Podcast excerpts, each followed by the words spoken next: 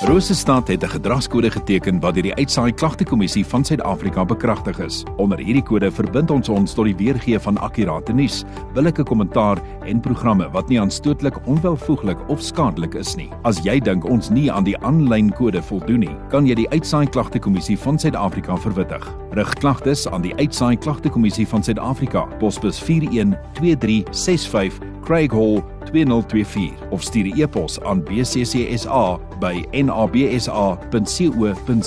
Vir verdere inligting, besoek www.bccsa.co.za. Wat sê die woord op Rosestad 100.6 FM. is op sy kopie kwart oor 7. Baie welkom as jy dalk ook sopas ingeskakel het. Woensdae aan tussen 7 en 8 is dit wat sê die woord. Nou is my 'n groot voorreg om weer na 'n lange wesigheid vir Prof Litus later gaan in die ateljee te verwelkom en uh, ook on, oor ons tema te gesels vanaand. Hoe neem ek verantwoordelikheid? Prof, goeienaand, baie welkom. Hoi, is goeienaand aan jou en goeienaand aan die luisteraars. Dit is goed om weer hier te wees. Absoluut. En ek dink die tema wat ons vanaand wil aanspreek van hoe neem ek verantwoordelikheid is 'n baie belangrike tema in ons dag. Nou kan ek sommer begin om in die algemeen te sê as ons na die wêreld rondom ons kyk, dan sien ons daar stikkende paaie. Ons sien rommel lê oral. Ja. Ons kan omtrent nie stilhou by 'n uh, verkeerslig of 'n stopstraat nie of daar's iemand wat bedel. Ons hoor van uitermate korrupsie. En baie mense trek net hulle skouers op en sê maar dis nie my toe doen nie. Ek het mense nie in armoede gedompel nie. Ek het nie die wêreld gebreek nie. Ek het nie die wêreld verniel nie. En nou is die vraag wat ons vanaand moet oordink. Vat ek net verantwoordelikheid vir dit wat ek dink ek verantwoordelikheid moet vat? Of is daar meer sake waaroor ek verantwoordelikheid moet neem? Om die gesprek te begin, sou 'n mens kon sê in 'n Bybelse sin is dit vir ons baie duidelik uit die 10 gebooie dat ons verantwoordelikheid neem, baie belangrik vir onsself. Maar ons neem verantwoordelikheid vir onsself sodat ons verantwoordelikheid vir ander mense kan neem. Ons neem ook verantwoordelikheid vir die geskape wêreld waarbinne ons is. Ons neem ook verantwoordelikheid vir die sosiale, maatskaplike omstandighede wat daar is en ons neem ook kollektief verantwoordelikheid vir 'n funksionerende staat. Mm. Dis kortom, die Bybel is baie duidelik daaroor dat ek nie net sommer kan wegstap en sê dit het niks met my te doen nie of skoue ophaal en te sê ek is nie die rede vir die gemors waarin die wêreld is nie. Die saak wat ons dus hier met mekaar moet onderstreep is wanneer ek verantwoordelikheid neem, dan vra dit van my 'n bepaalde gesindheid. En sou 'n mens na die begrip etiek kan kyk, want etiek lê aan die wortel van alle verantwoordelikheid, dan hoor ons ook die ou Griekse woord van ethos. Dit wat die diepste ingeseteldheid van die mens is. Dit wat jou diepste oortuiging is. Dit moet dan nou eens ook oorspoel na 'n samelewing. Maar jy sien luisteraars, ek wil vanaand hê ons moet oor 'n paar sake dink. Aan die een kant moet ons vra oor die gesindheid. Die tweede saak moet ons miskien net vinnig weer vra die uitdaging wat ons het teenoor mense wat in noodsituasies is. Hoe dink ons oor daardie verantwoordelikheid? Maar dan wil ek hê dat ons 'n groter deel van die gesprek moet wegfokus van die bestaande temas rondom armoede hmm. en 'n vervalle wêreld. En ons moet kyk na nuwe ontwikkelings in die wêreld waarbinne ons woon en dan ook vra hoe neem ek verantwoordelikheid daarvoor? Nou ek het 'n klomp goed gesê wat ek dink die luisteraars nou eers behoorlik moet herkou. Ek het gesê ons het verantwoordelikheid ongeag die omstandighede. Ek het gesê dit het baie te doen met die gesindheid en as gelowiges vind ek my gesindheid vanuit 'n Bybelse basis, vanuit my verstaan van die Christelike geloof, maar ek het ook gesê daar is baie meer sake waaroor ons behoort te dink as dit wat ons moet doen. Nou voordat ons na 'n stukkie musiek gaan luister, wil ek hê die luisteraars moet net aan een saak dink. Jy kan omtrent vandag nie 'n koerant oopmaak en ons verneem van een of ander ontwikkeling van kunsmatige intelligensie. Hmm. Of ons verneem verder wat is die vermoë van robotika of eenvoudiger gestel rekenaarstelsels en die geweldige invloed wat dit op ons lewens gaan hê. Dit is nou so dat byvoorbeeld in die wêreld van die 4de industriële revolusie daar nuwe uitdagings na ons toe kom. En baie van hierdie uitdagings het geweldige voordele vir mense. Maar terselfdertyd is daar ook baie uitdagings wat aangebied word. Absoluut. Ek gaan bietjie later vanaand hê dat ons moet nadink oor die moontlikheid wat dit is dat die rekenaar 'n nuwe mensdom kan skep. En trouens teoreties bestaan die argument dat ook uit bestaande menslike selle en weefsel daar aan nuwe organe vir 'n mens self gedruk kan word, die sogenaamde 3D drukproses. En hoe oordeel ons daaroor? Want luisteraars en Marius, verantwoordelikheid gaan nie net oor die sake wat ons kan sien nie, maar die verantwoordelikheid gaan ook oor die volhoubare toekoms wat ons geskep het. Miskien moet ons almal net eers rustig word om bietjie oor hierdie sake na te dink. Prof Litus laat gaan my ateljee gaan vanaand. Ons tema is hoe neem ek verantwoordelikheid? Kom ons luister eers na 'n stukkie musiek van Arno van Wyk.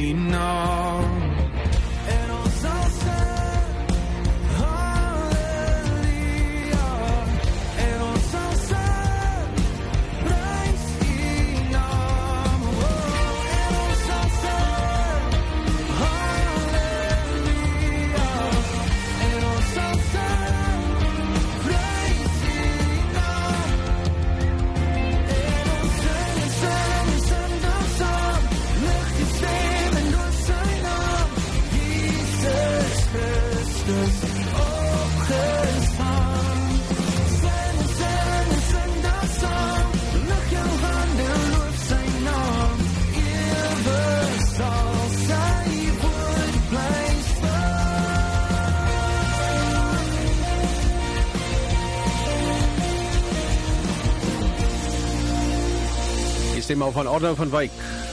Saam met Dr. Day ook met sing en sing.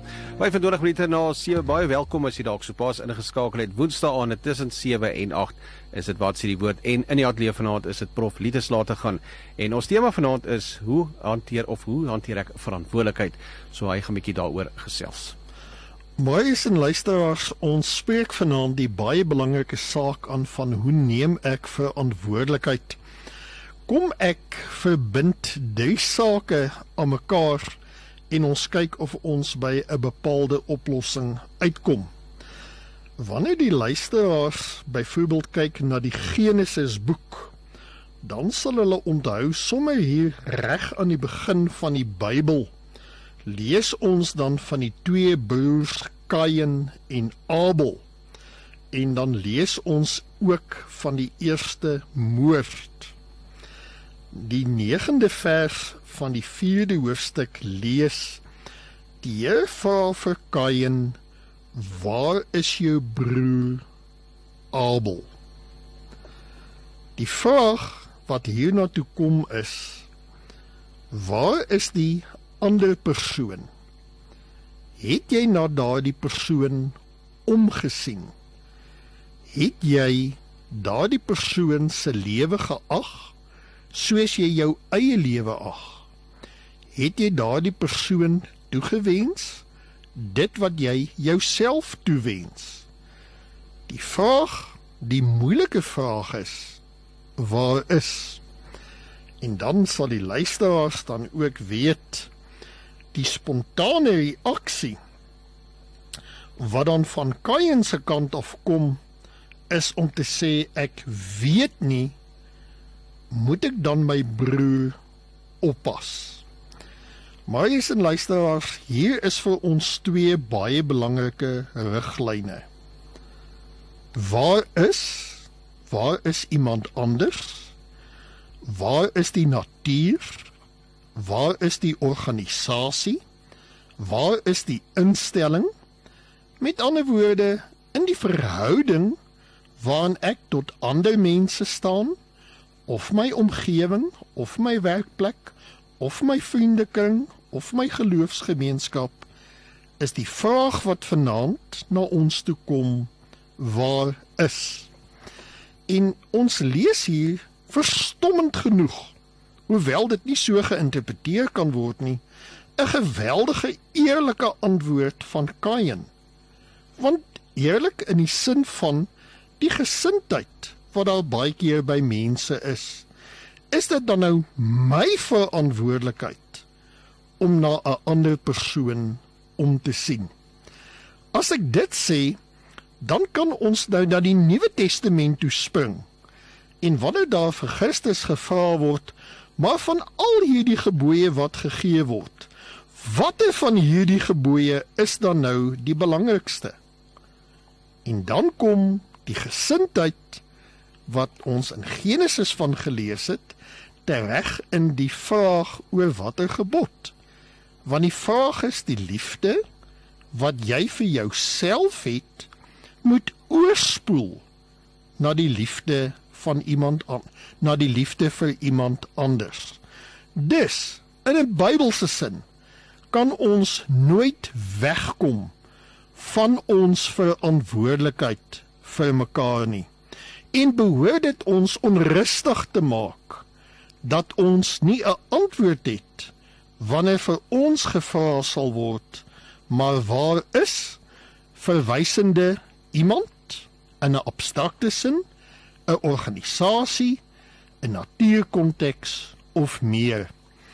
As ek dit gesê het dan wil ek 'n volgende perspektief hierby aanheg Die Joods-Franse filosoof Immanuel Levinas het die gedagte gehad van ek ontdek myself in wat hy noem die gelaat van die vreemde ander. Wanneer ons dit nou nader bring na die tema van die aand, hoe neem ek verantwoordelikheid? Dan sou ons uit Levinas se opmerking kan aflei dat ek neem verantwoordelikheid op grond van die verhouding waarin ek met ander mense staan. 'n Tyd gelede het ek 'n baie kosbare opmerking gehoor van in 'n bepaalde verhouding is soos dit maar gaan word skouers geskuur. Maar die persoon merk op al skuur ons skouers beteken ek beteken dit nie dat my omgee opgehou het nie. Maar is en luisteraars, hoor julle? Ons verskil van mekaar. Ons is baie keer kwaad vir mekaar. Ons kom mekaar dalk te na. Maar dan mag die omgee wat daar is nooit versaak word nie. As ons dan 'n riglyn kan wegneem vir die aand, dan dink ek moet dit heel prakties gemaak word. Die vraag is waar is en dan toets ons die gesindheid hieraan. Wanneer die luisteraars verder sal blaai na die Lukas Evangelie en ek beskou dit altyd as een van die pragtigste gelykenisse wat daar is. Dit is die gelykenis rondom die barmhartige Samaritaan.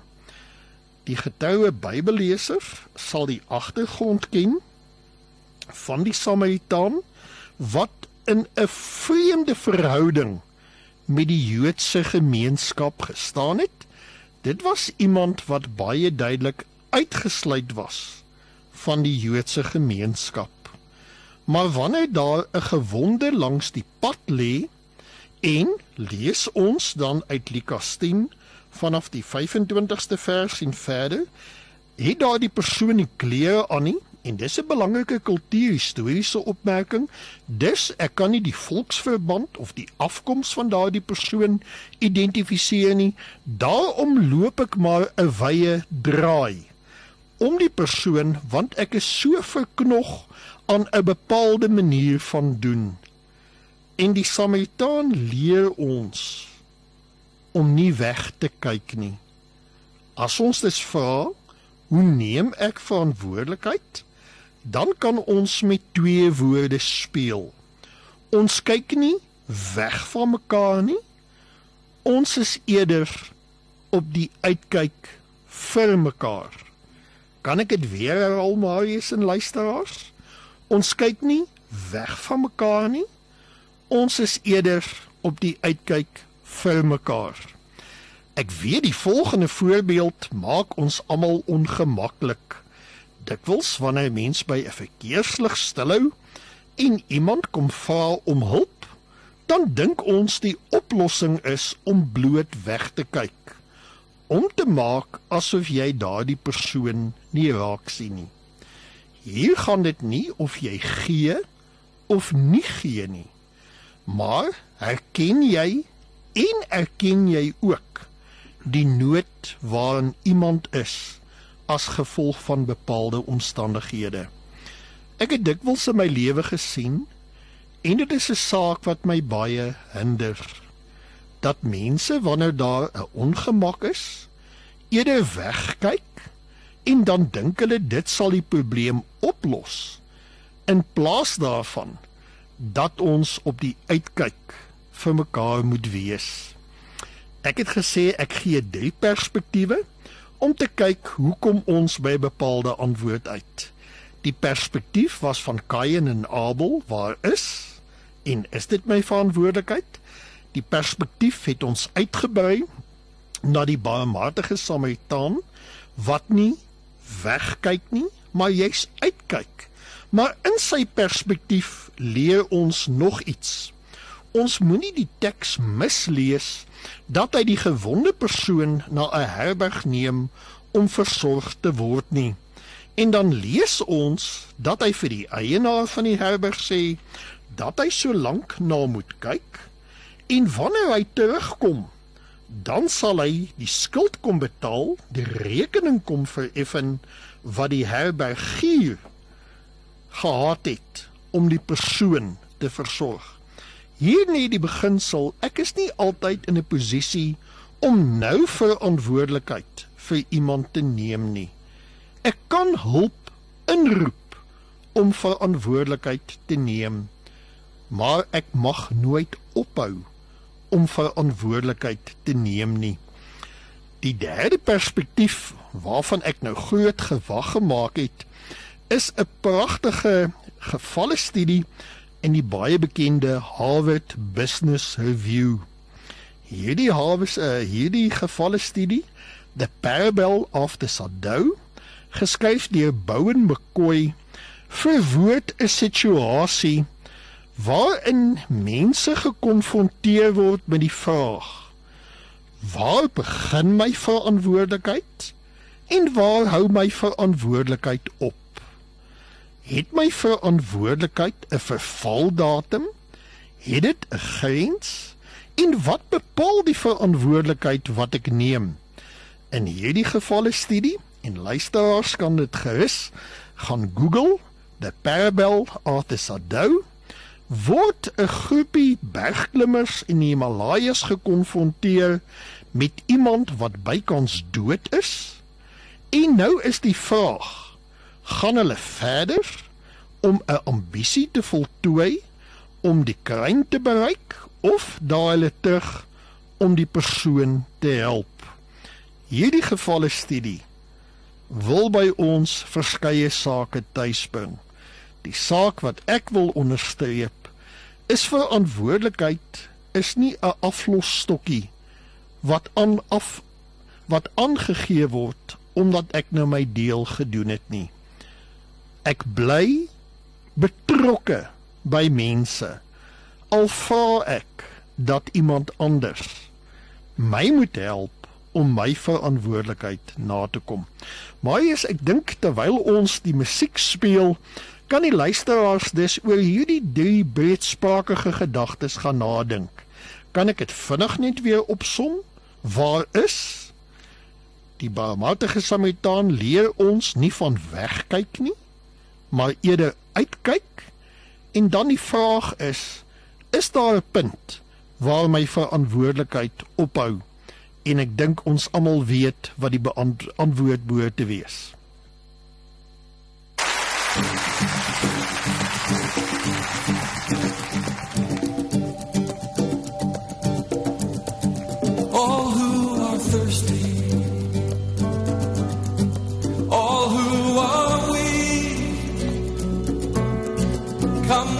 the fountain.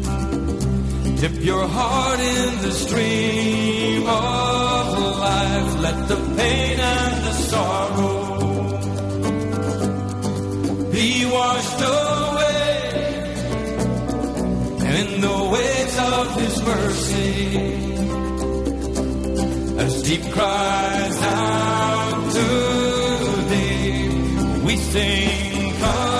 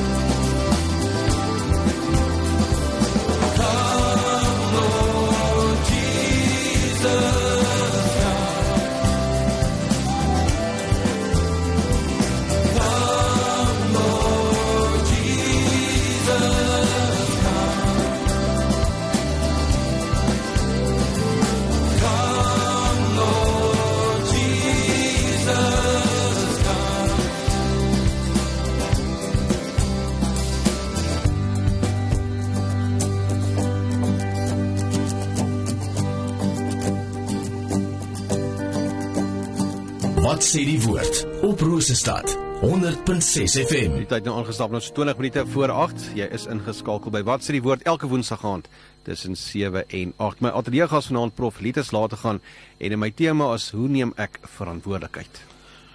Maais en luisteraars, ek glo ons het nou die basis gelê van hoe neem ek verantwoordelikheid? Dit is met ander woorde om in 'n verhouding te staan met ander mense. Maar nou wil ek daardie klem van die mense vir 'n oomblik wegskuif na die geskape wêreld waarbinne ons leef. Maar om dit te doen, wil ek die elke dag se wêreld nou eers byroep.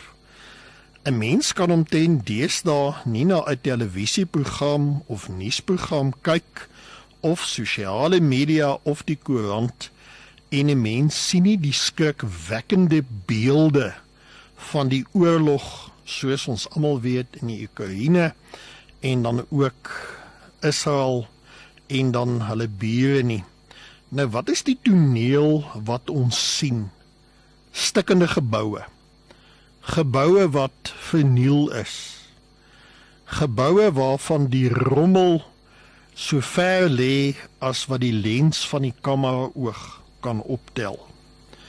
Ons ons sien dus nie net die vernietiging van mense nie maar ons sien ook die vernietiging van die geskape werklikheid die fisiese omgewing natuurlik is dit so dat in 'n oorlogssituasie en ek bevestig die feit ek regverdig nie die feit nie is dat ons baie keer die omgewing waarin mense is wil vernietig omdat daardie vernietiging dit ook vir mense baie moeilik moet maak om in bepaalde omstandighede te kan woon.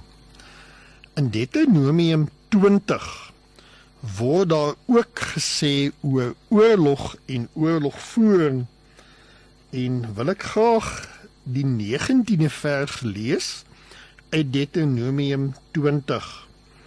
Wanneer jy 'n stad 'n lang ruk beleef terwyl jy daarteen oorlog maak om dit in te neem moet jy nie sy bome verwoes en dit afkap nie want jy moet die vrugte daarvan eet jy mag dit nie afkap nie want die bome op die land is nie mense dat jy teen hulle moet veg nie.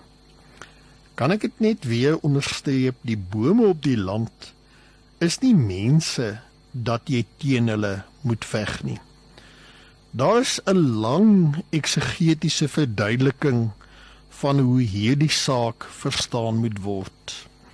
Dit kom in kort daarop neer dat al is daar 'n oorlogssituasie moet ons altyd onthou die verantwoordelikheid om lewe in stand te hou. Of dit nou is die lewe van die soldate wat aanval sodat hulle bepaalde lewensmiddels kan hê om mee te oorleef of die medemenslikheid van die mense wat in nood is.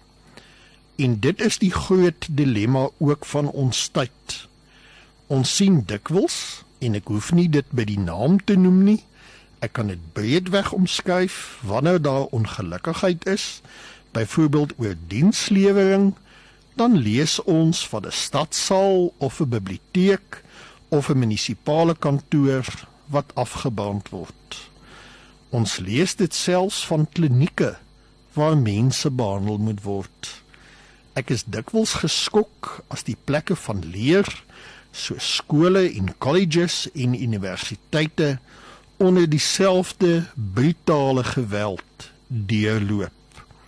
En dit wys ook vir ons dat in die verlengde van my verhouding met ander mense is ek so kwaad, is ek so woedend dat ek nie kan sien om die geskape werklikheid in stand te hou nie. En elke keer wanneer ek rommel strooi Elke keer as ek 'n bydrae lewer tot die beskadiging van my omgewing, is ek eintlik besig om met geweld die leefruimte van ander mense aan te tas. Ek is altyd met die grootste verstomming as ek agter 'n motor ry en ek sien dit wat by 'n venster uitgegooi word. Dit sê daarmee eenvoudig dat ons nie in 'n verhouding staan met die geskape wêreld waarbinne ons leef nie. Hierdie verhouding met die geskape wêreld waarbinne ons leef beteken ook 'n verantwoordelikheid wat 'n mens moet hê teenoor die gemeenskap waarvan jy deel is. Dus daar is geen Bybelse regverdiging vir die geweld wat ons pleeg ook teenoor die fisiese omgewing nie. Dit kan uit 'n militêre oorweging verduidelik word, selfs regverdig word, maar daar kan geen Bybelse verantwoordelikheid daarvoor aangebied word nie. In die verlengde hiervan Marius en luisteraars lê ook 'n verantwoordelikheid vir die instandhouding van die funksionering van 'n organisasie.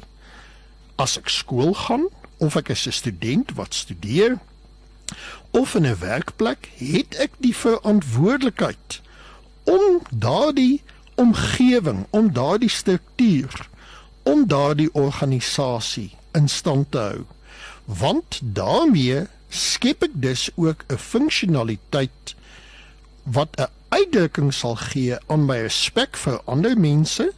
Dis die liefdesgebod, maar dit skep ook 'n funksionaliteit wat ek glo belangrik is in beide Ou en Nuwe Testament dat ons 'n ordelike gemeenskap moet vestig. Die luisteraars kan deur die hele Bybel blaai. Die klem val voortdurend op die ordelikheid van die gemeenskap. Het sy die sosiale gemeenskap, het sy die werkplek, het sy die geloofsgemeenskap wat daar is en daardie verantwoordelikheid kom elkeen van ons toe. Ek verbaas my met al die vakansiedae wat ons selfs wy aan ons kultuurgoedere dat daar so min verantwoordelikheid geneem word juis om dit tot stand te bring. Maar is 'n luisteraars, ek wil dus 'n tweede hoofpunt vanaand maak. Naas die verantwoordelikheid teenoor mense, is daar ook 'n verantwoordelikheid teenoor die fisieke wêreld, die organisatoriese wêreld, die sosiale wêreld waarin ek staan. Ek wil nou graag met die luisteraars en met jou Marius 'n interessante verdere perspektief deel. Daar is teenswoordig 'n vraag oor wat gaan van die mensdom word of state en nasies gaan voortbestaan en dan word die perspektief gehuldig dat daar iets van 'n konstruktiewe afbreek moet wees sodat daar 'n nuwe begin gemaak kan word. Ek dink hier is vir ons almal 'n belangrike les om te leer. Natuurlik wanneer iets verkeerd is Kom ons vat 'n organisasie as 'n voorbeeld, dan moet daardie saak afgebreek word sodat ons in die plek daarvan iets nuuts kan sit. Die kernpunt is vanuit 'n Bybelse perspektief word dit onderskuif deur die verhouding waarin ek staan met ander mense. En binne 'n werklikheidsperspektief, kom ons noem dit 'n sosiale perspektief, is daar tog dit wat bekend staan die sosiale kontrak? Daardie onderneming wat landsburgers teenoor mekaar het om vir mekaar 'n leefruimte te gun. Hierdie is nie 'n politieke betoog nie. Hierdie is nie politieke praatjies nie. Dit kom uit die hart van die Bybel dat ons 'n verantwoordelikheid teenoor die wêreld het. Luisteraars kan maar net Romeine 8 lees om onder die indruk te kom van dit wat gestel word die nood van die wêreld die nood van die fisieke wêreld wat daar is en ook die verlange wat die geskape werklikheid het om verlossing te bring. Die verlossing en die bediening van die verlossing is nie net van een mens tot 'n ander mens nie maar dit is ook in die wêreld waarbinne ons bestaan Maar eers kan ek dalk voor ons nog 'n keer na musiek gaan luister, nog 'n perspektief aanraak. Ek was vanmiddag deel van 'n internasionale gesprek gewees oor watter tipe etiek is nodig in die vervaardigingssektor. Vervaardiging hier moet op sy breedste sin verstaan word. Dit gaan oor alledaagse huisprodukte wat mense gebruik tot die mees gesofistikeerde mediese apparaat wat daar bestaan. Die verantwoordelikheid wat ons het, kan ons deur 'n paar uh riglyne te gee benadruk. Die eerste verantwoordelikheid is wat is die impak wat ek doen op ander mense? Dit kom dus weer terug na die gesindheid. Die wapentuig wat ons vervaardig, het die vermoë om mense te vernietig. Wat is dan die wapenontwikkelingsprogram van enige land? Is dit om die ekonomie te stimuleer? Is dit vir beskerming? of is dit om deel te wees van 'n afbreekende wêreld? Hierby sou 'n mens ook seker die hele gesprek rondom atoombomme weer kan heg van wat maak ons? Wat is daardie gesindheid wat ons teenoor ander mense moet uitspreek? En dan kan daar nog 'n voorbeeld genoem word. Ons weet uit vervaardiging is daar baie groot uitdagings aan die mensdom. Dink maar net aan lugbesoedeling, dink maar net aan waterbesoedeling, dink maar net aan die produkte wat 'n negatiewe effek het op die gesondheid van mense. Ek staan altyd verbaas as ek hoor met watter groot ywer en ek wil amper self sê kundigheid word dwelmmiddels vervaardig. Dis deel van die vervaardigingsproses en die destruktiewe invloed wat dit op ons gemeenskap het. Maar jy sien luisteraars, dit kom alles weer terug na die vraag wat ons net nou vir mekaar gevra het. Waar is kyk ek uit of kyk ek weg? Ons praat binnekort verder. Al die woordprof leaders later gaan met uh, wat so die woord vanaand uh, hoe neem ek verantwoordelikheid om so 'n stukkie musiek en dan gaan ons ook begin afsluit met vanaand se program net hierop wat sê die woord. God sitting on the throne You are the one who is in control You're the savior that has come for all sting of death finally took a fall Lord, when I don't see the breakthrough.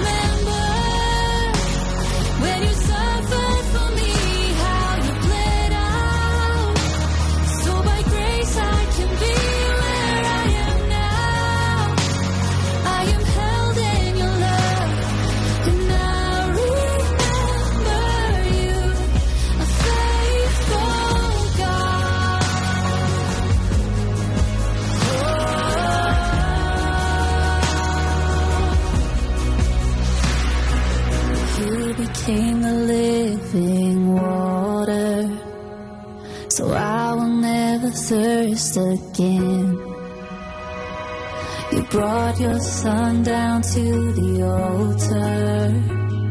So I don't have to die in sin.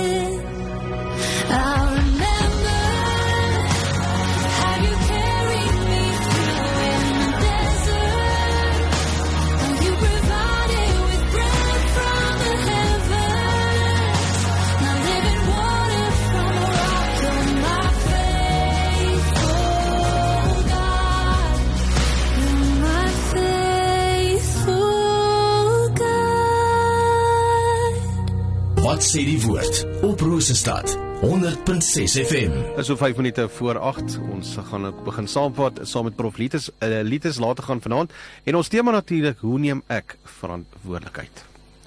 Maais en luisteraars, baie dankie dat ek vanaand enkele gedagtes met julle kon deel. Kom ons beskou dit bloot net as ons het die basiese vrae gevra.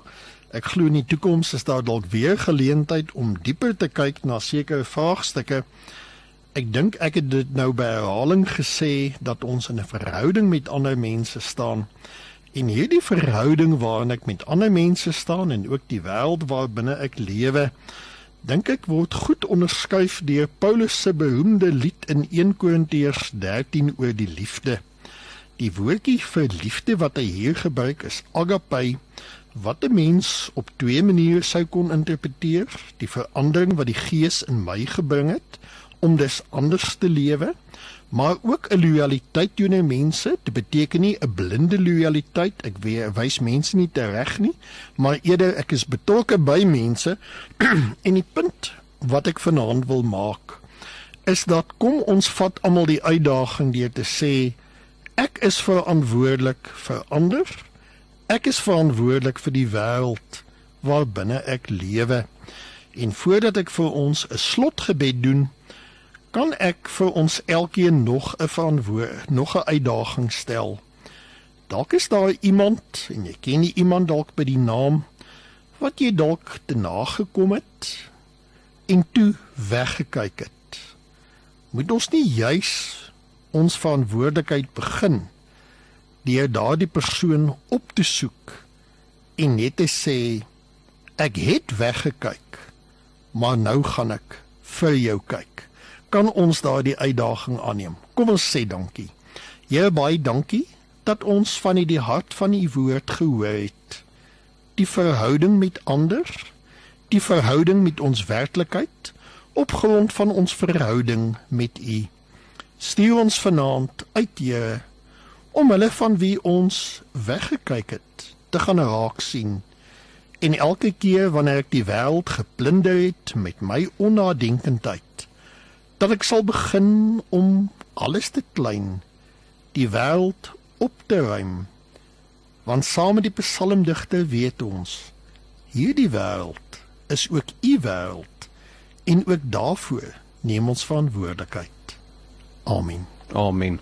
Prof Litus baie dankie vir vanaand se program. Absolute voorreg om 'n prof ook in die ateljee te hê en uh, ek uh, ons het nou net so gepraat daaroor. Ons uh, sal nou maar eers moet wag om te sien wat Alicia vir ons uh, hoe sy die dagboek gaan skeduleer vir ons volgende afspraak ook hierso by wat sê die woord.